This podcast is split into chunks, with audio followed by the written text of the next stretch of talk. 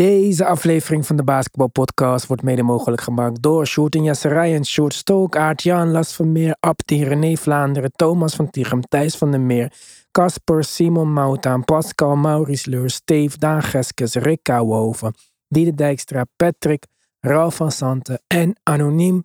Speciale shout-out naar onze GOATs, Robert Heiltjes, Yannick Tjongajong, Wesley Lenting, Robert Lutte, Jan van Binsbergen, Tarun en Yannick, samen met Kasic en Myron. We zijn op TikTok, at de Basketball Podcast. Ik weet niet of die at erbij moet trouwens, maar dat zijn we ook op Instagram, at de Basketball op Twitter. Maar natuurlijk zijn we ook op petjeaf, petjeaf.com slash basketbalpodcast of www.debasketbalpodcast.nl en dan kies luister op Petje Af. Support the movement, hou ons in de lucht en uh, enjoy in de tussentijd de extra podcast en de groupchat. Let's go!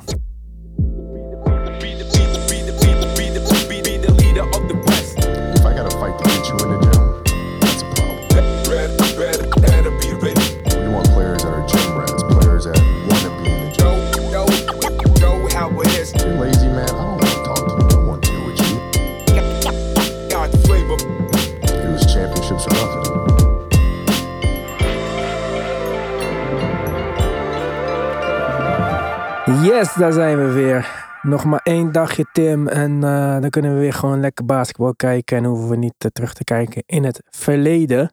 Maar voordat wij vandaag met al het nieuws van de dag beginnen, wil ik eigenlijk eh, een stukje nieuws bespreken wat een beetje onder de radar door is gegaan. En ook weer teruggrijpt naar het verleden. Ik knoop alles weer zo mooi aan elkaar vast. Maar mijn eerste vraag is: ken jij Kian Doeling nog? Jazeker. En jij kent hem als speler dan waarschijnlijk. Als speler wel, ja. ja. Ooit de tiende draftpick. Maar wist je dat hij vorig jaar nog op de bank zat als assistentcoach bij de Utah Jazz? Oh, nee. Nee. Dat wist ik dus ook niet. Maar dan wist jij ook waarschijnlijk niet dat Kian Doeling is veroordeeld tot 30 maanden gevangenisstraf. Oh, nee. Vanwege? Nou, dat ga ik je nu vertellen. Hij samen met een ander oud NBA-speler, Allen Anderson, beide veroordeeld voor het organiseren van een plan om de NBA te bedriegen met miljoenen aan claims voor zorgtoeslagen. Anderson, Doeling en 17 andere voormalige NBA-spelers werden in oktober 2022 gearresteerd nadat onderzoekers hadden vastgesteld dat ze ongeveer 4 miljoen hadden verdiend aan frauduleuze terugbetalingsclaims voor gezondheidszorg die nooit werd verleend. Wauw. Ja, het zijn niet alleen de referees die uh, een beetje crooked zijn deze dagen. Aanklagers zeggen dat Anderson 121.000 dollar aan valse claims voor zichzelf heeft ingediend en anderen heeft gerecruiteerd om zich bij het plan aan te sluiten, wat resulteerde in nog eens 710.000 dollar aan frauduleuze claims. Zo. Ik had toch niet het idee dat Kenyon Doeling uh, dat heel erg nodig had. Ja, maar dit is gewoon. Ja, maar dit was nog in zijn spelerstijd natuurlijk. Dit is gewoon opsporing verzocht NBA-editie. Want ik wist ook niet eens dat Doeling, die dat toen in de tijd heeft gedaan dat hij als speler actief was, ook op dat moment de vice-president van de Players Association was. Wauw. Ja. Nou ja, hij heeft de boete gekregen van 1 miljoen, moet 30 maanden de bak in. Dus. Uh, Dan was die assistant coaching job van vorig seizoen waarschijnlijk voorlopig zijn laatste. Ja, ik uh, neem aan dat je niet snel terugkomt van dat. Maar ja, hij zat daar dus ook al weten dat hij tien jaar geleden dit heeft gedaan of zo. Dus waarschijnlijk was hij niet meer echt met dat op zijn hoofd de hele tijd van oh, ik word gepakt ooit of zo. Nee, nee, inderdaad. Ja. Maar goed, nu we toch praten over de Utah Jazz en de coaching staff. Hun oude coach, Quinn Snyder, wordt genoemd als de mogelijke opvolger van Nate McMillan. Die is ontslagen bij de Hawks. Ja. Ja, het liep natuurlijk voor geen meter. Ik geloof dat Trae Young al meerdere malen had aangegeven dat het niet goed ging. Ze hadden natuurlijk ook geen goede band, die twee. En Trae Young, de sterspeler, lijkt toch deze strijd eh, voor nu te hebben gewonnen. Ja. Nou, gelijk werd Kenny Atkinson al genoemd, maar ik weet niet of als die niet naar de Hornets wou, dat hij dan super graag naar de Hawks zou willen. Lijkt mij ook mij niet, nee. niet. Nee. En ik denk dat hij toch wel iets van een stiekeme belofte heeft gehad of zo. Anders eh, kan, kan je het moeilijk verklaren dat hij eh, in Charlotte op het laatste moment zich terugtrok. Ja, toch terugtrok. Het was niet van, oh nee, nee, we gaan het niet doen. Het was echt, oké, alles is rond. Dat was al bekend en toen toch niet. Ja. Dus dat lijkt me ook een beetje sterk. En ik dacht dus, nou, Quinn Snyder, dat is best wel een goeie. Maar toen vertelde jij mij net dat eh, meneer eh, Young uh, al wat fotootjes had gepost. Ja, net. Uh, be- begin van onze avond eh, heeft hij op Instagram een fotoserie gepost. Waarvan twee foto's in een Steve Nash Suns jersey.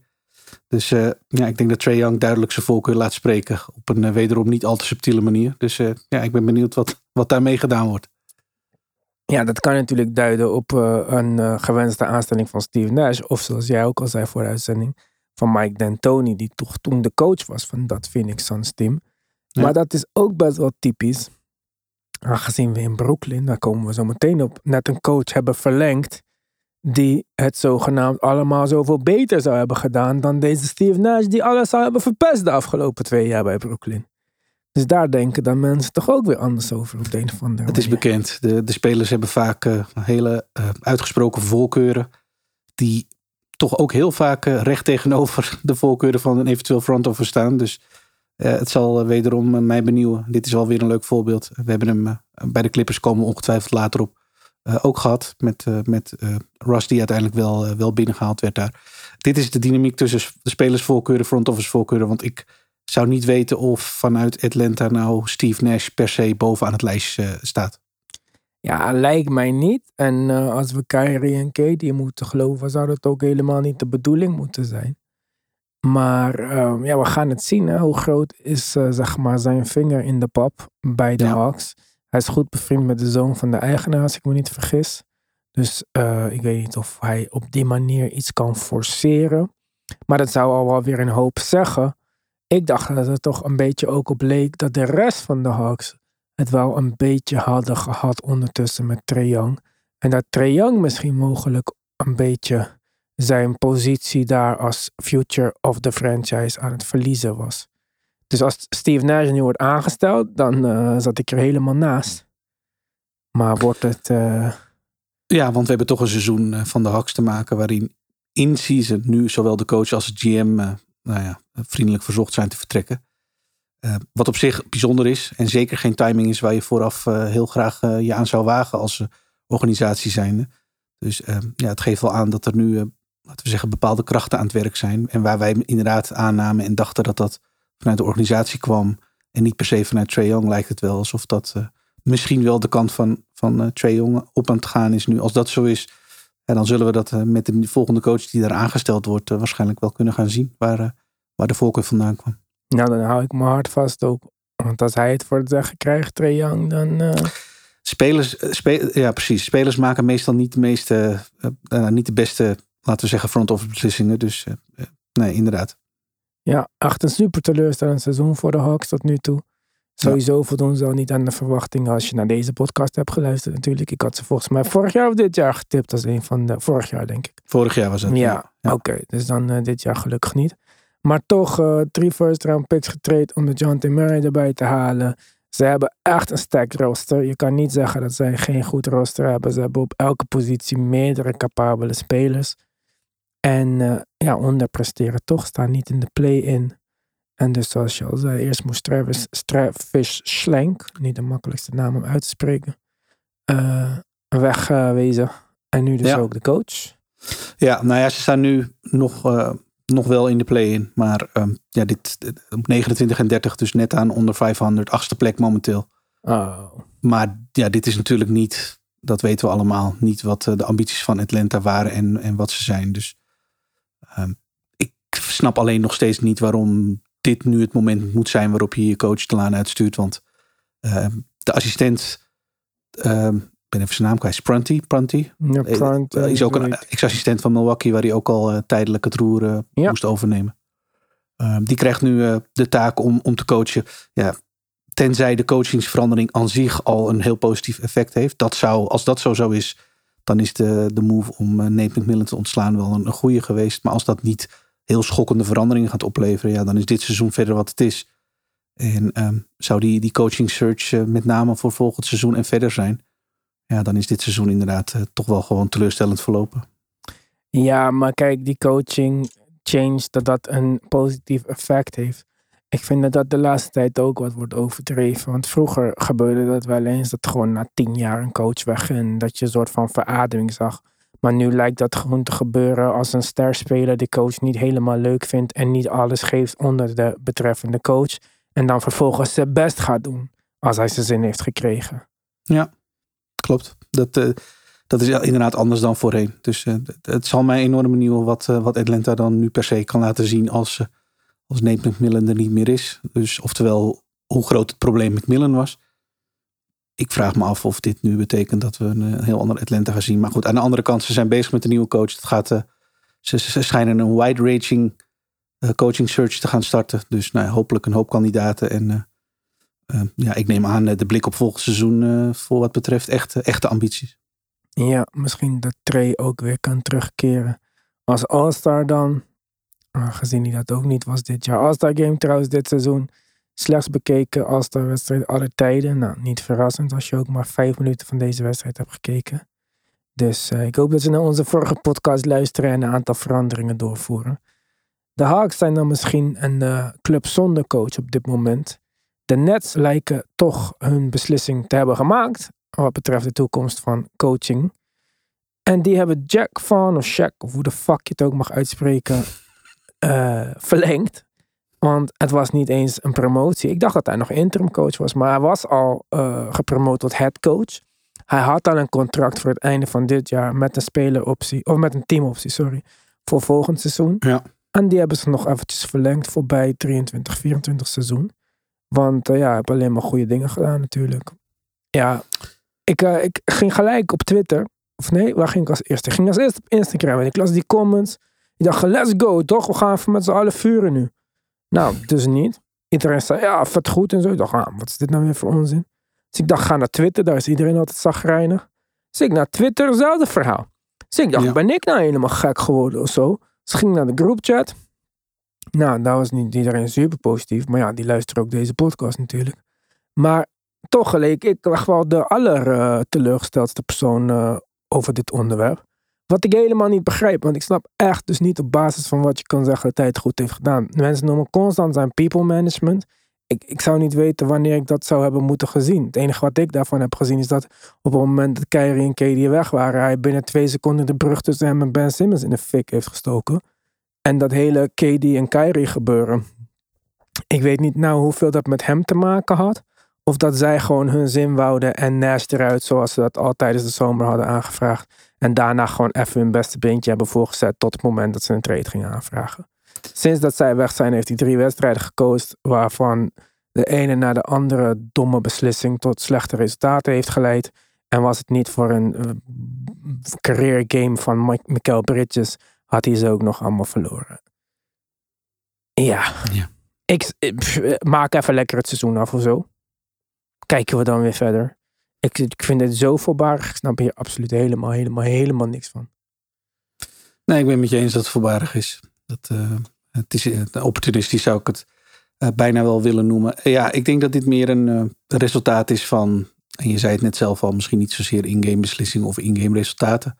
Maar als wel ja, de, sfeer in de lockroom, de neuzen dezelfde kant op, spelers die willen spelen.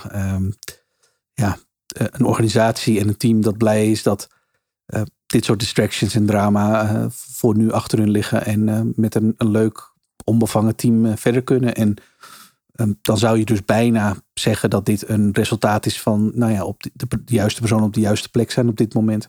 Wat helemaal niet wil zeggen dat hij, um, ja, laten we zeggen, in-game de, de meest fantastische coach is die de Nets meteen naar succes gaat leiden. Ja. Maar ik denk dat ze vooral voor nu blij zijn met de situatie waarin ze zitten. En dat het liefst meteen willen vastleggen voor de komende seizoenen. Om te voorkomen dat dit komende zomer misschien ook wel weer een thema zou worden. Mm. Nou, uh, we gaan het zien. Maar volgens mij gaat deze beslissing uh, snel uh, slecht worden. Hoe zeg je Backfire? Dat? Ja. Volgende vijf games. Bulls, Hawks, Bucks, Knicks, Celtics. Oh, allemaal Eastern concurrenten. Ja, dus dat is 2-3 hooguit. En dan eh, staan ze alweer rustig op een zesde of een zevende plek. Ja, Ja, maar dat is nu, dat is waarschijnlijk nu geen probleem daar. maar dat... eh, ja, nou oké, als ze dat geen probleem vinden. Voor nu, voor nu. Nee, ik denk dat de ambities misschien wel worden bijgeschaald naar volgend seizoen. Maar ik denk dat ze voor dit seizoen waarschijnlijk hebben gezegd. eh, ga maar lekker spelen met dit team en kijk maar waar het toe leidt. Ik denk niet dat zij dat hij een heel harde, noem je dat, een heel harde resultaat als voorwaarde meegekregen heeft voor dit jaar.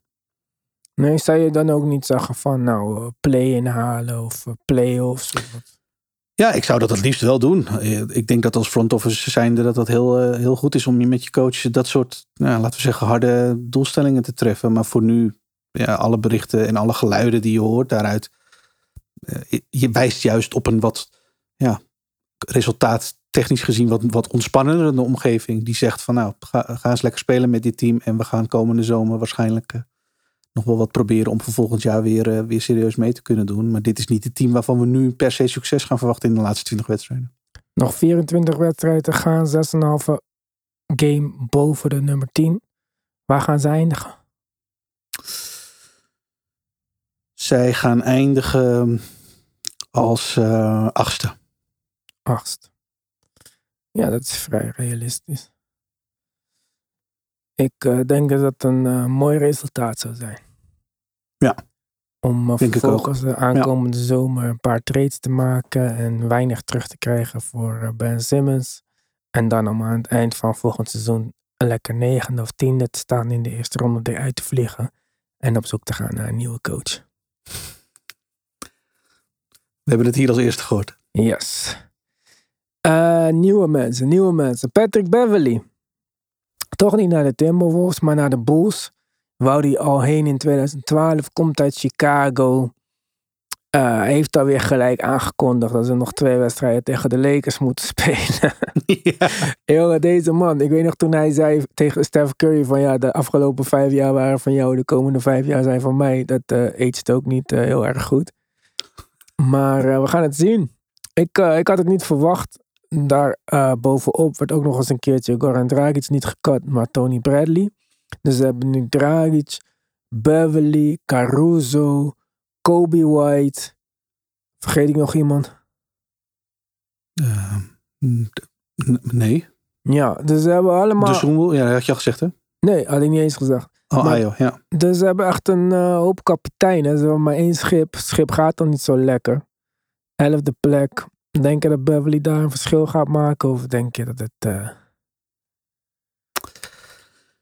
Op papier wel. Um, we hebben al vaker onze bedenken bij Beverly gehad. En we hebben natuurlijk gezien wat hij op ploeg als Minnesota kan. Alleen ik vind de ploeg van Chicago nu... Ja, voor mijn gevoel. En ik heb ze deze week ook nog weer even terug zitten kijken. Ja, al te ver afgezwakt. Al te weinig een, een ploeg om nog te zeggen... Nou, een Pat Bev komt erbij en die zet de kleedkamer wel even op scherp richting de playoffs. Ik zie dat gewoon niet meer gebeuren. Dus ja, hij zal ongetwijfeld... Um, ja, weer gaan proberen om, om een dergelijke impact, laten we zeggen, à la een verhaal zoals we dat vorig seizoen met hem zagen, uh, uh, mogelijk te gaan maken. Maar, maar ik zie dat bij toch, Chicago. Ik, ja. ja, waren toch betere teams daarvoor, zeg maar. Nou, volgens mij heeft hij zelf aangegeven dat hij kon kiezen tussen de Warriors en de Bulls. Echt? Ja. Oh, dan was ik sowieso naar de Warriors gegaan. Maar de Nuggets was ook wel leuk geweest, dacht ik. Ja, even denken. Kan hij. Ja. Hij kan een klein beetje drie schieten. Als het daar ergens aan ontbreekt, is er misschien een beetje dat. Ja, dat dog-achtige, zeg maar. Met Michael Porter, Jamal Murray en zo. Hoeft niet heavy minuten te spelen, maar ik zeg je eerlijk, zou misschien liever hem zien dan Reggie Jackson. Um, ja. Ja, dat. Ja, ik denk Reggie Jackson. Ja, oké. Ja. Ik, ik, ik zie waar je vandaan komt. Ik vond, ik vond het feit dat hij de, uh, dat hij de Warriors als keuze noemde en, en de Bulls, dat vond ik al, uh, al vrij bijzonder. En ik probeer me even voor te stellen of hij inderdaad op een team als de Warriors uh, überhaupt had gefit en nog, nog wel een impact had kunnen maken. En of ze die nodig hebben. Ik weet het. Misschien dat hij dat zelf ook geconcludeerd had en dacht van nou, bij Chicago kan ik. en dat het feit dat hij tussen aanhalingstekens thuis komt, zal ook wel een, een, een rol spelen. Dat wil ik best geloven. Maar ja. vond eh, de Warriors wel een opvallende kandidaat ertussen. Zo. Ja, helemaal als je nog een beetje play-offs wil spelen. Zo. Dat is bij eh, Chicago zeker geen zekerheid. Nee, nou ja, goed. Hij is er volledig van overtuigd dat, eh, dat hij ze nog wel eh, niet, tenminste de play-in gaat inloodsen. En ja, waar je dan eh, terugkomt, dat zie je dan wel weer natuurlijk. Ja, maar deze man is sowieso op veel gebieden veel te overtuigd van zichzelf. Dus eh, dat is echt niet superveel. Had hij niet bij de Clippers gepast? Terug naar de Clippers. Ehm, ja. Denk ik wel. Ik weet niet of, eh, of ik nou relatiedingetjes uit het verleden. wat betreft PG en Kawhi misschien over het hoofd zie. Maar ik geloof niet dat die eh, per se veel problemen met hem eh, zouden hebben. Ja, maar problemen. Had ook problemen met Russell Westbrook. En die twee hebben ook gewoon een jaar samen ja, dat is waar. Als je, waarin wil is een weg. Ja, we Ja. zijn volgens mij zelfs nog een soort van vrienden geworden ook in deze tijd. Over Ja. Russell Westbrook gesproken. Dat is de nieuwe point guard van de Clippers.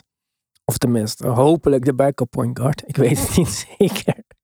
Alles kan zomaar gebeuren. Eh, jij zei het ook, we hadden het er eventjes over. Lawrence Frank gaf toch aan op zoek te zijn naar een heel ander profiel. Ja.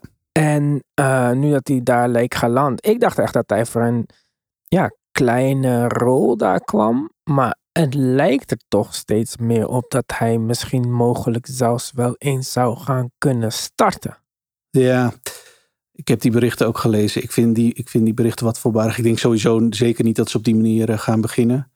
En eh, je zei het net, net zelf al. Lawrence Frank heeft in de aanloop naar deze signing inderdaad een soort van in de pers laten doorschemeren wat hij, eh, wat hij graag zou willen. En als je daar een speler aan zou moeten hangen, zou je bijvoorbeeld moeten denken aan een Mike Conley. Hij wilde een verder een point guard die, die een, een, een, een- nou ja, wat balhandeling kon, kon, ehm, kon mogelijk maken. Maar ook wel weet wat zijn plek is, zeg maar. Dus offbal ook gewoon goed is.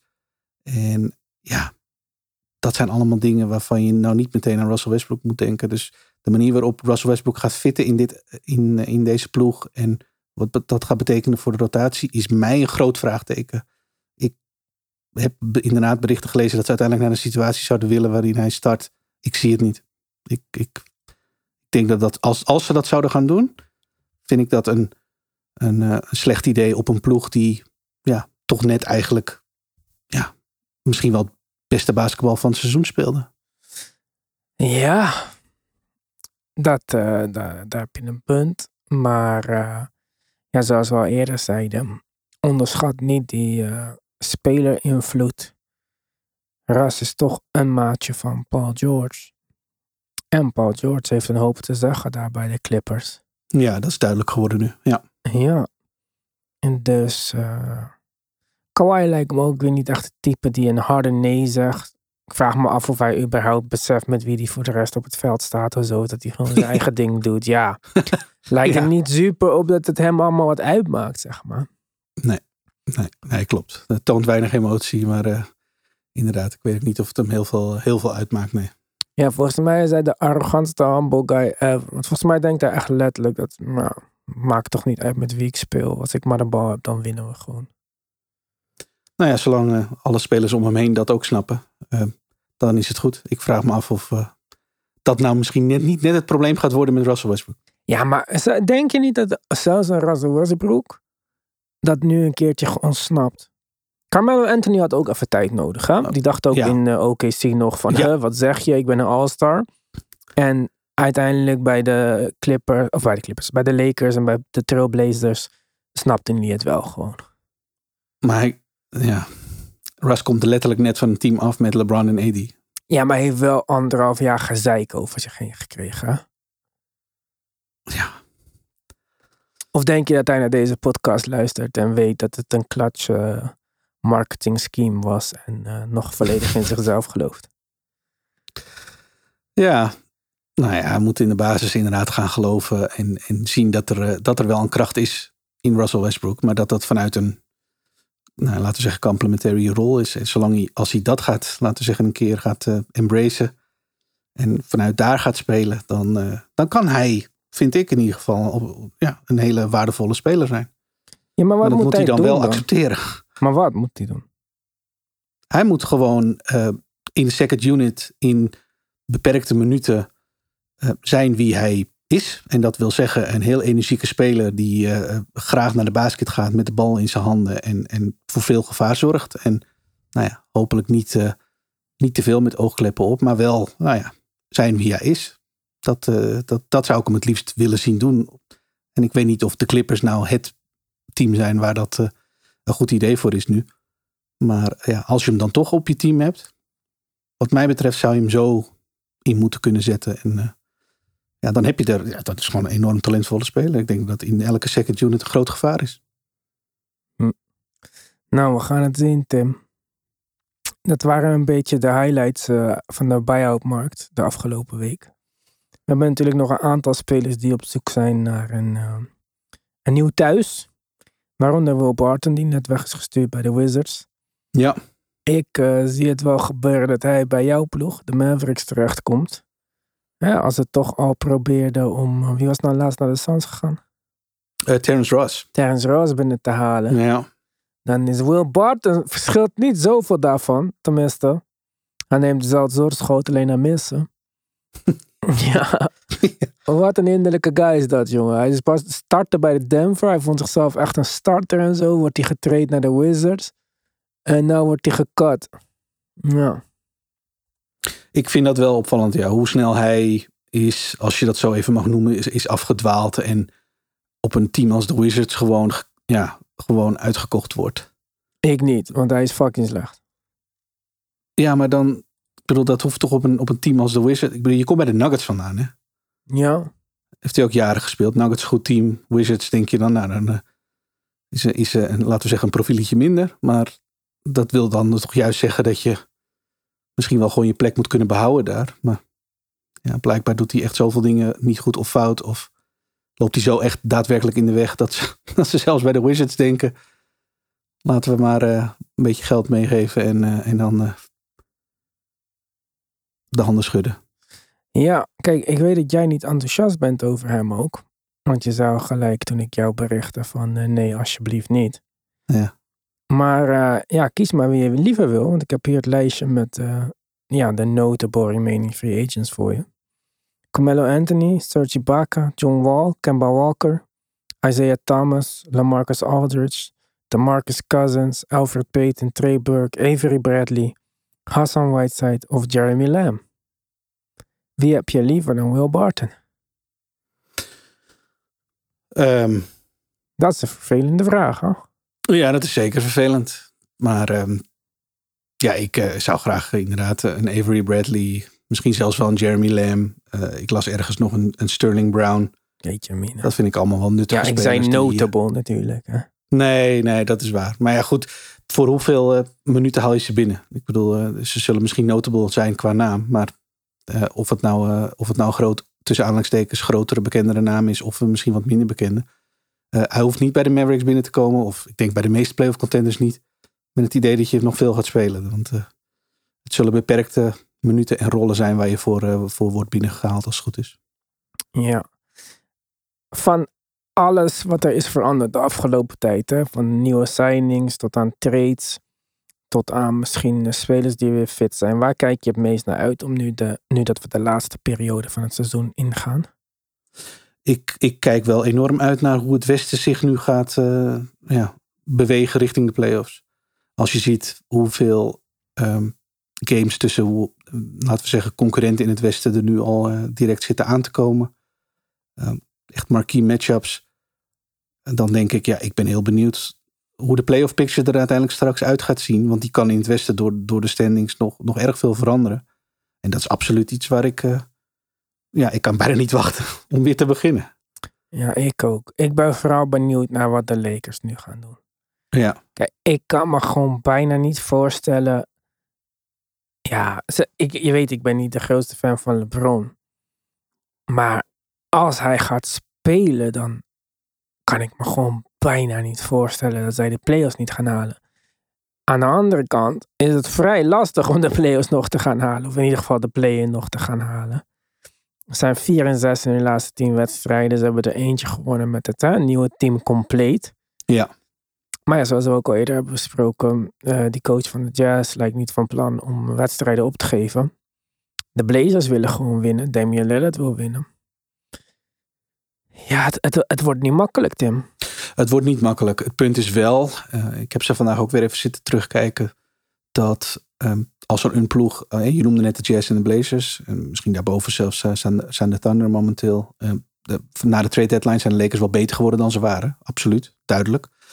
En de rest van die ploegen hebben natuurlijk, eh, nou ja, de Blazers hebben ook wel wat gedaan, maar de Jazz en de Thunder zeker, zeker niet. Dat is niet hun, dat is niet hun doel. Mhm. Dus ik denk dat de Lakers wel Kans maken. hebben- ja, ze hebben wel de juiste moves gemaakt. Ze zijn eh, absoluut een, een beter team dan ze waren. De line-up makes sense. Eh, speelt leuk, ziet er goed uit. En als dat een, een, nou ja, een heel klein hintje was naar hoe de komende wedstrijden eraan toe gaan voor hun. Kijk, eh, één ding is wel, er is geen kwestie meer van prioriteit stellen. De Nee. komende wedstrijden zijn allemaal even belangrijk. Namelijk, laten we bijna zeggen, alles of niks. En ja, dat kan er wel voor zorgen dat de Lakers misschien met een edge gaan spelen nu. En, en eh, nou, met de juiste spelers ook. Want het zag er echt wel leuker uit. Dat is in ieder geval die jump naar de play-in. De- de Play-offs vind ik een reach. Maar de play-in, dat zou ja, toch wel te play-offs, moeten zijn. play-offs gaan ze niet halen, eh, Nee. rechtstreeks. Maar de play-in, ja, dan lijkt het mij toch dat zij met de Blazers gaan concurreren om die tiende spot. Eh, laten we er even van uitgaan dat de Pelicans, Timberwolves en Warriors niet uit de play-in gaan vallen. En Ja. als ze uit de play-in gaan, neem ik aan dat ze in de play-offs gaan. En dat zou betekenen dat we Dallas in het rijtje zetten. Nou, ik zie gewoon geen een van die ploegen echt veel lager gaan zakken.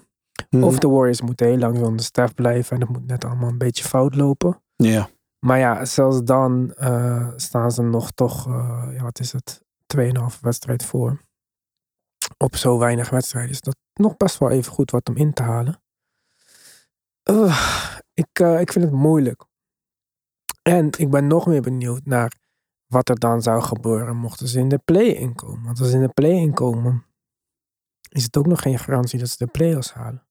En als ze de play-offs halen, dan zullen ze toch waarschijnlijk moeten tegen het eerste team in de NBA of het tweede.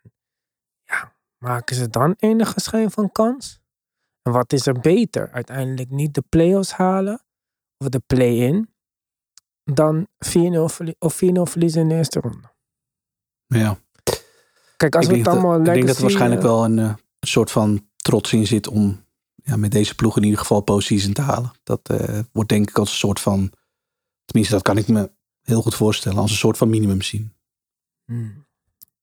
Nou ja, lager gaan ze in ieder geval niet zakken. Dat is mooi meegenomen. Dus slechter dan dit wordt het niet.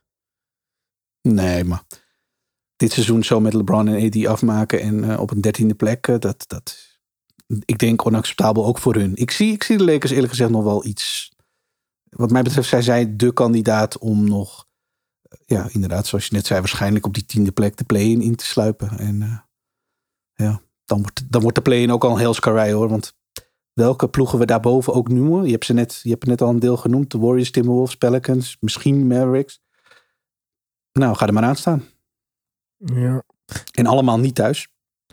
Ja, het eh, is geen leuk jaar voor LeBron James. Of eh, geen leuk resterend jaar. Wel goed nieuws voor hem. Bronny, zijn eh, oudste zoon, is een aantal plekjes gestegen in de mock draft. En is nou zelfs een top 10 recru- of een top 10 eh, projected pick in de 2024 draft. De wonderen zijn de wereld nog niet uit. Ja, dat zou betekenen dat hij op dit moment in deze mock draft kan natuurlijk op allerlei manieren uitpakken.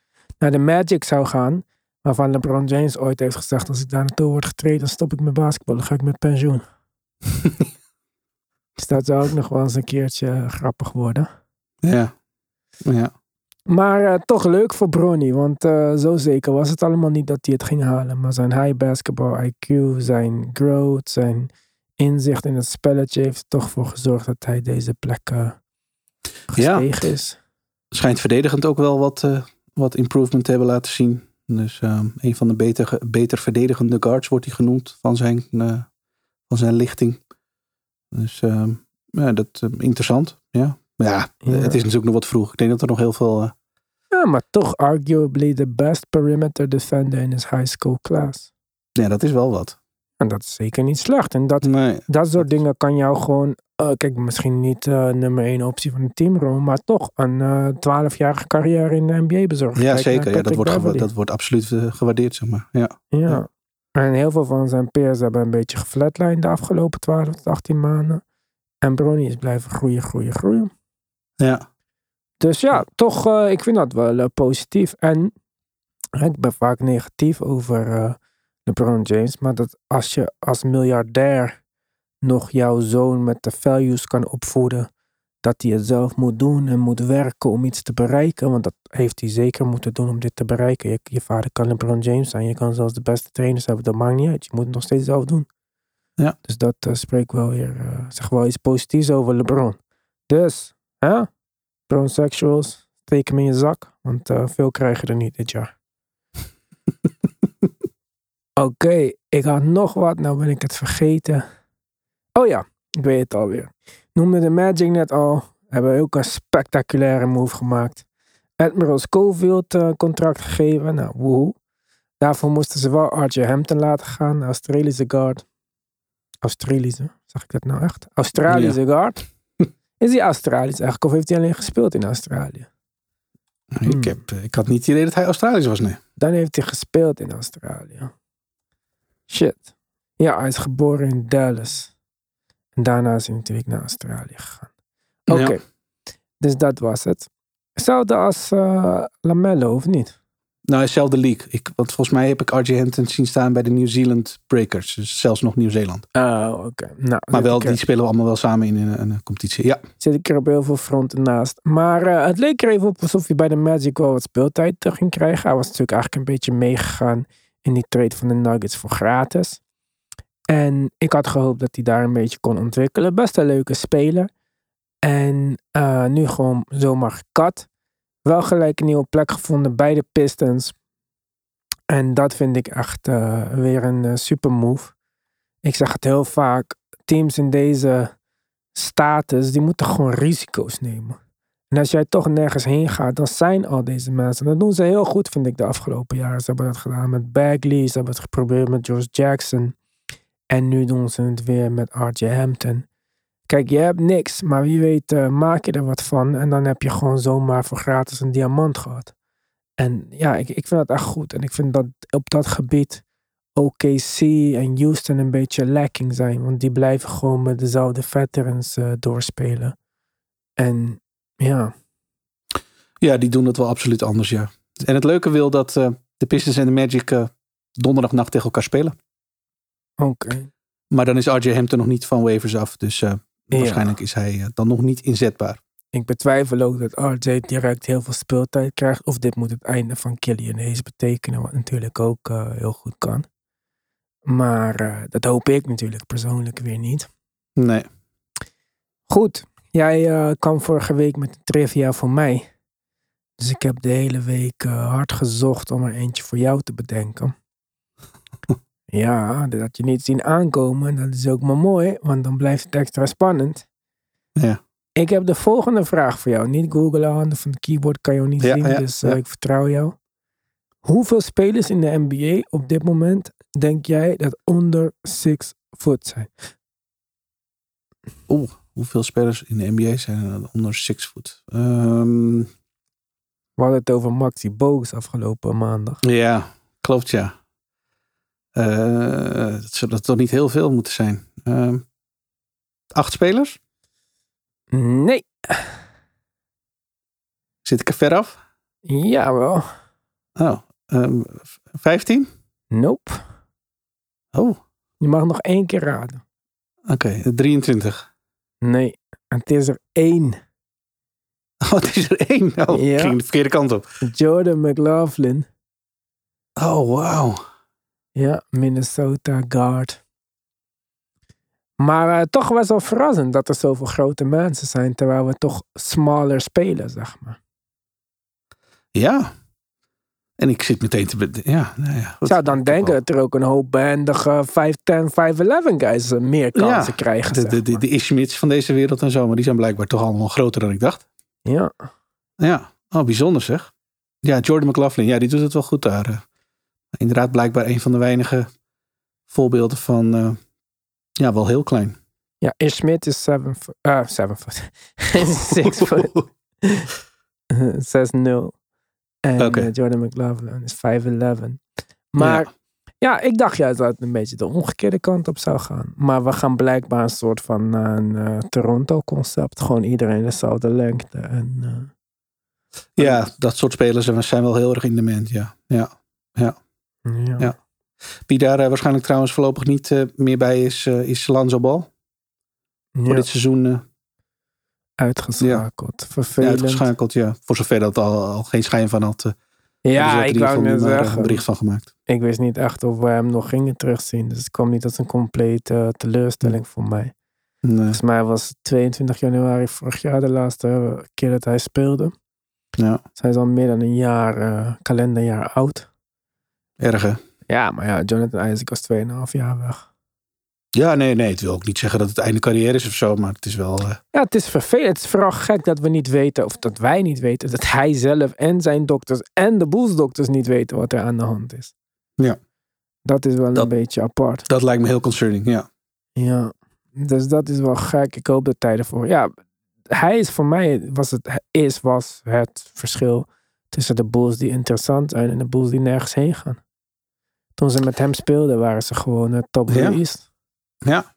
We hebben van die Bulls eh, een, een korte periode hele, hele leuke dingen gezien. En die eh, deden het veel beter dan iedereen verwachtte. En sinds hij, en volgens mij destijds ook eh, toen nog Caruso ook voor een deel, voor, een, voor een tijdje uitgeschakeld was, ja, zijn de Bulls nooit meer geworden van, van wat we toen van ze zagen. Ja.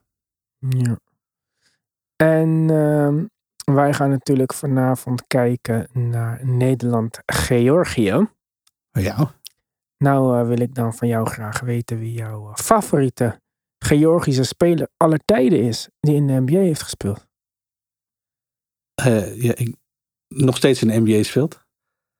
Ja, mag, maar hoeft niet per se van mij. Oh, ja, dan ga ik voor Goga Bitatse.